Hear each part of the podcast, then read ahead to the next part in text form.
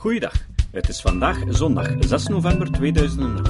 Ik ben Jozef van Giel en dit is de 107e aflevering van deze podcast. Deze aflevering kwam tot stand mede dankzij Riek de Laat. De muziek is van Nick Lucassen. Vandaag bespreken we Hoe feiten terugslaan, door Ju Keokein en vertaald door Riek de Laat. Onderzoekers ontdekken een verrassende bedreiging voor de democratie, onze hersenen. Het is een van de grote uitgangspunten van de moderne democratie dat een geïnformeerde burgerij te verkiezen is boven een onervaren. Wanneer de mensen goed geïnformeerd zijn, zullen ze ook de juiste regering kiezen, schreef Thomas Jefferson in 1789. Dit begrip Uitgevoerd door de jaren heen is de grondslag van alles, gaande van nederige politieke pamfletten over presidentiële debatten tot aan het gehele idee van een vrije pers. De mensheid mag dan van krom hout zijn, zoals Kant het uitdrukte, uniek gevoelig voor onwetendheid en verkeerde informatie, maar het is een geloofsartikel dat kennis de beste remedie is. Als mensen zijn voorgelicht met de feiten, zullen ze heldere denkers en betere burgers zijn. Als ze onwetend zijn, zullen de feiten hen verlichten. Als ze zich vergissen, zullen feiten hun denken bijsturen. Op het einde zal de waarheid zegevieren. Of niet? Misschien niet. Recent hebben een paar politieke wetenschappers ontdekt dat er een menselijke neiging bestaat die diep ontmoedigend is voor iedereen met geloof in de kracht van informatie. Het is dit. Feiten hebben niet per se de macht om onze gedachten te veranderen. In feite precies het tegenovergestelde. In een reeks van studies in 2005 en 2006 van onderzoekers aan de Universiteit van Michigan bleek dat wanneer fout geïnformeerde mensen, in het bijzonder politieke medestanders, werden geconfronteerd met gecorrigeerde feiten in nieuwsverhalen, ze zelden van gedacht veranderden. Erger nog, ze werden vaak nog volhardener in hun geloof. Feiten, vonden de onderzoekers, verhielpen desinformatie niet.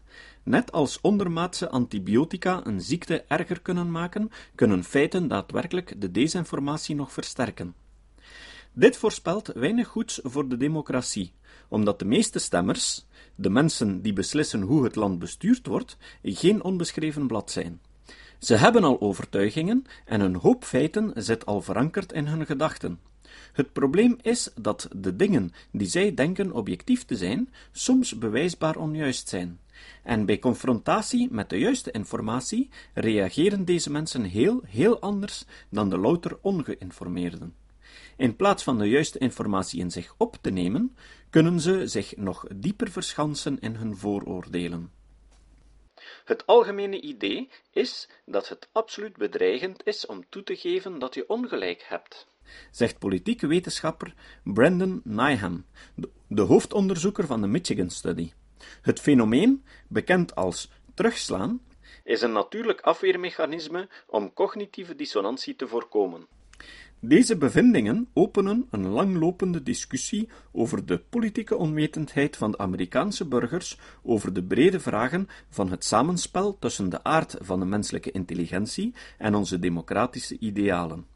De meesten onder ons geloven graag dat onze meningen langzaamaan zijn gevormd door een zorgvuldige, rationele afweging van feiten en ideeën, en dat de beslissingen op basis van die opinies daarom degelijk en intelligent lijken. In werkelijkheid baseren we onze meningen vaak op onze overtuigingen, die een ongemakkelijke relatie met de feiten kunnen hebben. In plaats van dat feiten overtuigingen aansturen, kunnen onze overtuigingen de feiten bepalen die wij verkiezen te accepteren. Ze kunnen ons aanzetten om feiten te verdraaien, zodat ze beter passen bij onze vooroordelen. Het ergste van alles kunnen ze ons ertoe aanzetten om kritiekloos slechte informatie te aanvaarden, alleen al omdat ons dat in onze overtuiging sterkt. Deze versterking geeft ons meer vertrouwen dat we het bij het rechte eind hebben en maakt ons minder geneigd om te luisteren naar eventueel nieuwe informatie. En dan gaan we stemmen. Dit effect wordt alleen maar versterkt door de informatieovervloed. Die biedt, naast een ongekende hoeveelheid goede informatie, ook een stroom van eindeloze geruchten, verkeerde informatie en twijfelachtige variaties op de waarheid. Met andere woorden, het was nog nooit zo gemakkelijk voor mensen om verkeerd te zijn en zich tegelijkertijd zekerder te voelen van hun eigen gelijk. Hartstochtelijke verdediger van wat hij denkt de grondwet te zijn, was een recente Onion Cop. Net als de beste satire ontlokt dit smerige juweeltje een lach, die vervolgens direct wordt gedempt door een raar gevoel van herkenning. De laatste vijf decennia van de politieke wetenschap werd definitief vastgesteld dat de meeste hedendaagse Amerikanen zelfs geen basiskennis meer hebben van de manier waarop hun land werkt.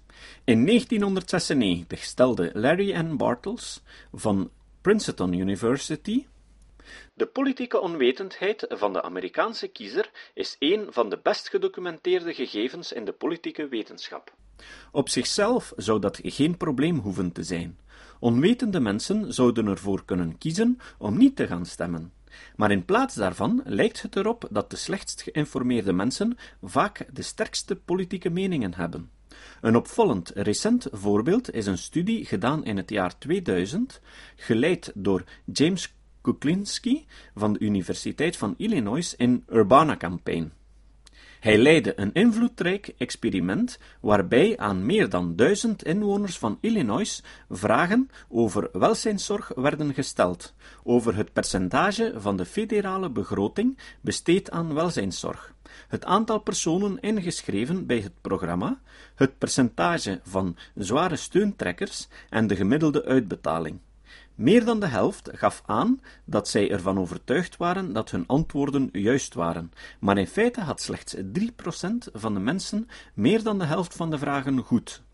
Misschien nog verontrustender is dat degenen die er het zekerste van waren dat ze gelijk hadden, diegenen waren die over het algemeen het minst over het onderwerp wisten. De meeste van deze deelnemers waren erg bevooroordeeld over welzijnszorg in de zin dat ze er tegen waren. Studies van andere onderzoekers hebben soortgelijke verschijnselen waargenomen bij de aanpak van het onderwijs, hervorming van de gezondheidszorg, immigratie, positieve actie, wapenbezit en andere kwesties die de neiging hebben sterk partijpolitieke opinies uit te lokken. Kuklinski noemt dit soort reacties het ik weet dat ik gelijk heb syndroom en beschouwt het als een potentieel geducht probleem in een democratisch systeem. Het betekent niet alleen dat de meeste mensen zich zullen verzetten tegen rechtzetting van hun feitelijke overtuiging, schreef hij, maar ook dat de mensen die die correctie het meest nodig hebben, dat het minst vaak zullen doen. Wat is er aan de hand? Hoe kunnen we dingen zo verkeerd zien en tegelijkertijd er zo zeker van zijn dat we gelijk hebben? Een deel van het antwoord ligt in de manier waarop onze hersenen zijn bedraad. Over het algemeen hebben mensen de neiging om samenhang te zoeken. Er is een aanzienlijke hoeveelheid psychologisch onderzoek waaruit blijkt dat mensen de neiging hebben om informatie zo te interpreteren dat dat hun al bestaande opvattingen versterkt. Als we iets geloven over de wereld, hebben we meer kans om alle informatie die onze overtuiging bevestigt, passief als waarheid te aanvaarden en informatie die dat niet doet, actief te ontkennen. Dit staat bekend als gemotiveerd redeneren. Of de consistente informatie al dan niet juist is, kunnen we accepteren als een feit, als een bevestiging van onze overtuigingen. Dit geeft ons meer vertrouwen in de genoemde overtuigingen en minder neiging om feiten en ermee in tegenspraak zijn serieus te nemen. Nieuw onderzoek, vorige maand gepubliceerd in het tijdschrift Political Behavior, blijkt dat zodra deze feiten of feiten eigen zijn gemaakt, ze zeer moeilijk zijn te veranderen. In 2005, te midden van de schrille roep voor een betere feitencontrole in de media in de nasleep van de oorlog in Irak, bedachten Michigan Nyhan en een collega een experiment waarin de deelnemers verzonnen nieuwsverhalen kregen te horen die elk een bewijsbaar onjuiste bewering door een politieke figuur bevatten. Nochtans op grote schaal verspreid dat er massavernietigingswapens in Irak waren gevonden. Er waren er geen. Dat de belastingsverlaging van Bush de overheidsinkomsten deden stijgen. In feite verminderden ze. En dat de regering Bush een totaalverbod op stamcellenonderzoek had opgelegd. Alleen een bepaalde federale financiering werd beperkt. Najem voegde een duidelijke, directe correctie na elk stuk van verkeerde informatie toe en vervolgens ging de studie na of de correctie aansloeg bij de deelnemers. Voor het grootste deel niet. Deelnemers die zichzelf identificeerden als conservatieven, geloofden zelfs nog sterker in de verkeerde informatie over massavernietigingswapens en belastingen nadat de correctie werd weergegeven. Voor deze twee gevallen was het zo dat hoe sterker de deelnemer om het onderwerp gaf, een factor die bekend staat als salience, hoe sterker de terugslag was. Het effect was iets anders bij mensen die zich als liberaal identificeren. Als ze de gecorrigeerde verhalen lazen over stamcellen, sloegen de correcties aan. Maar de lezers ontkenden nog steeds het storende feit dat de beperkingen van de regering Bush niet volledig waren. Het is onduidelijk wat het gedrag stuurt. Het kan variëren van een eenvoudige verdedigende houding tot mensen die harder werkten om hun initiële overtuigingen te verdedigen, zoals Naihan het droogjes uitdrukte. Het is moeilijk om optimistisch te zijn over de effectiviteit van feitencontrole. Het zou geruststellend zijn om te denken dat politieke wetenschappers en psychologen een manier vonden om dit probleem tegen te gaan, maar dan zouden ze onszelf voorbijlopen. Het voortbestaan van de politieke misvattingen blijft een jong onderzoeksveld. Het is het onderwerp van de dag, zegt Nayan. Maar de onderzoekers werken eraan. Een goede aanzet kan het gevoel van eigenwaarde zijn. Nayan werkte aan een studie waarin hij liet zien dat mensen die een zelfbevestigingsoefening hadden doorlopen, meer geneigd waren om nieuwe informatie te verwerken dan mensen die dat niet deden.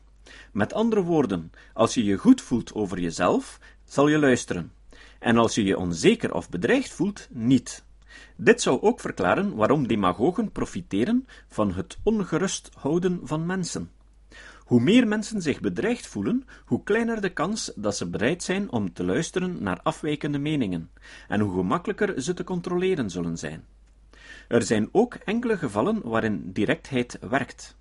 Kuklinski's studie over welzijnszorg suggereert dat mensen daadwerkelijk hun overtuigingen herzien als je ze tussen de ogen raakt met botweg gepresenteerde objectieve feiten die hun vooropgezette ideeën tegenspreken.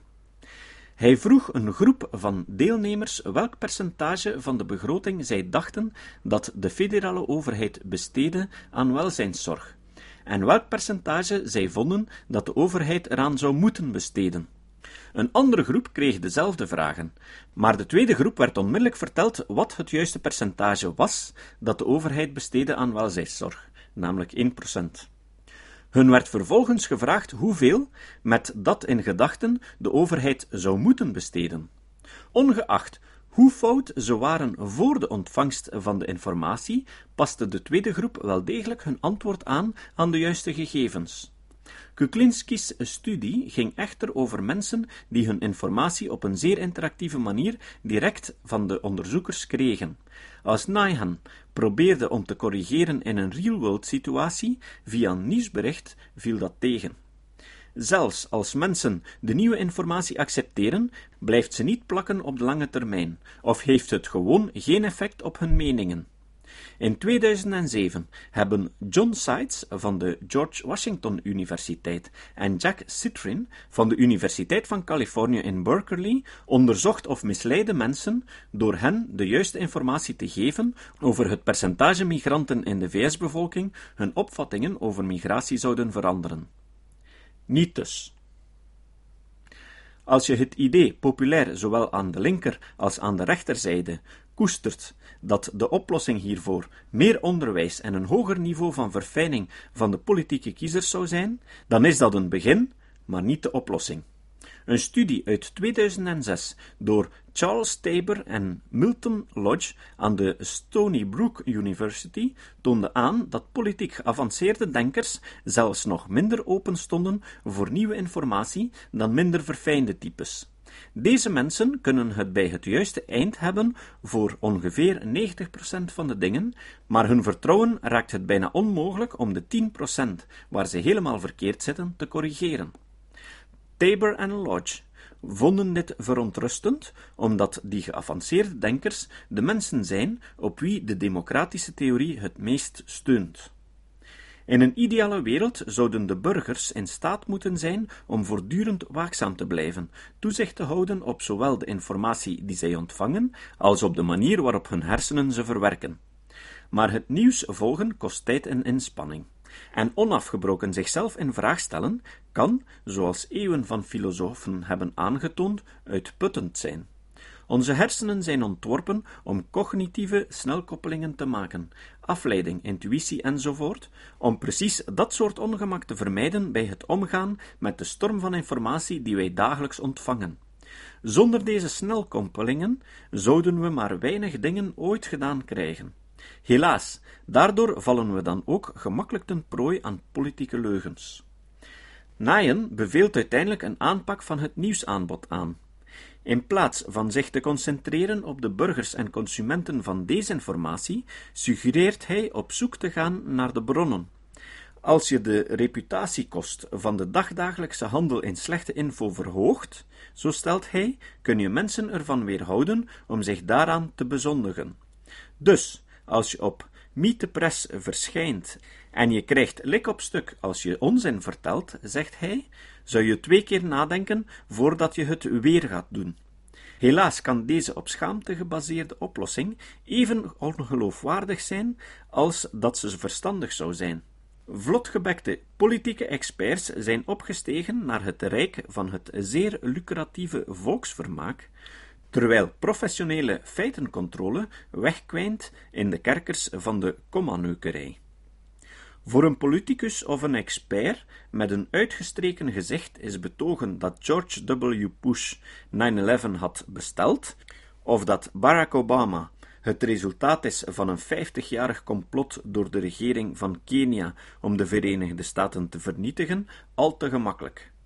Hem zich daarvoor beschaamd laten voelen, is dat niet. Ducoin is een schrijver in New York. European Podcast Awards. Nu is het alle hens aan dek voor de European Podcast Awards. Je kan nog stemmen tot eind november. Vergeet ook niet dat je meerdere keren kan stemmen. Op mijn website vind je een link naar de stempagina. Allee, kom aan, het is voor de goede zaak. Kritisch Denken heeft nu ook een Twitter-account waarin we boodschappen zullen posten die verband houden met de afleveringen. Volg Russell Steepot op Twitter. Je kan ook op de volgen-knop drukken op de website of op de blog. Het citaat. Het citaat van vandaag is van Baruch Spinoza. Het is al een tijdje geleden dat ik nog een citaat van Spinoza gebruikte. Voor wie hem nog niet kende, hij is een van de grootste filosofen uit de Nederlandse geschiedenis. Als Portugese Joden is zijn familie naar het vrije Nederland van Erasmus uitgeweken. Daar leerde Spinoza een aantal andere grote denkers kennen, zoals René Descartes. De twee belangrijkste werken van Spinoza zijn Ethica en Tractatus Theologico Politicus, waaruit dit citaat komt. Spinoza zei: Het doel van de politiek is dus in werkelijkheid de vrijheid. Tot de volgende keer.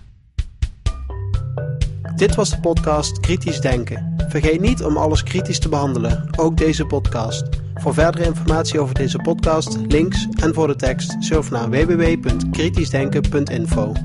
Als je deze podcast belangrijk vindt, kun je me steunen door anderen warm te maken ook eens te luisteren. Stuur een e-mail naar vrienden met een link naar de website en plaats de link in de handtekening van je e-mails. Tevens kun je op iTunes deze podcast een beoordeling geven of een recensie schrijven. Of je kan op je eigen website of blog een link naar kritisch denken plaatsen.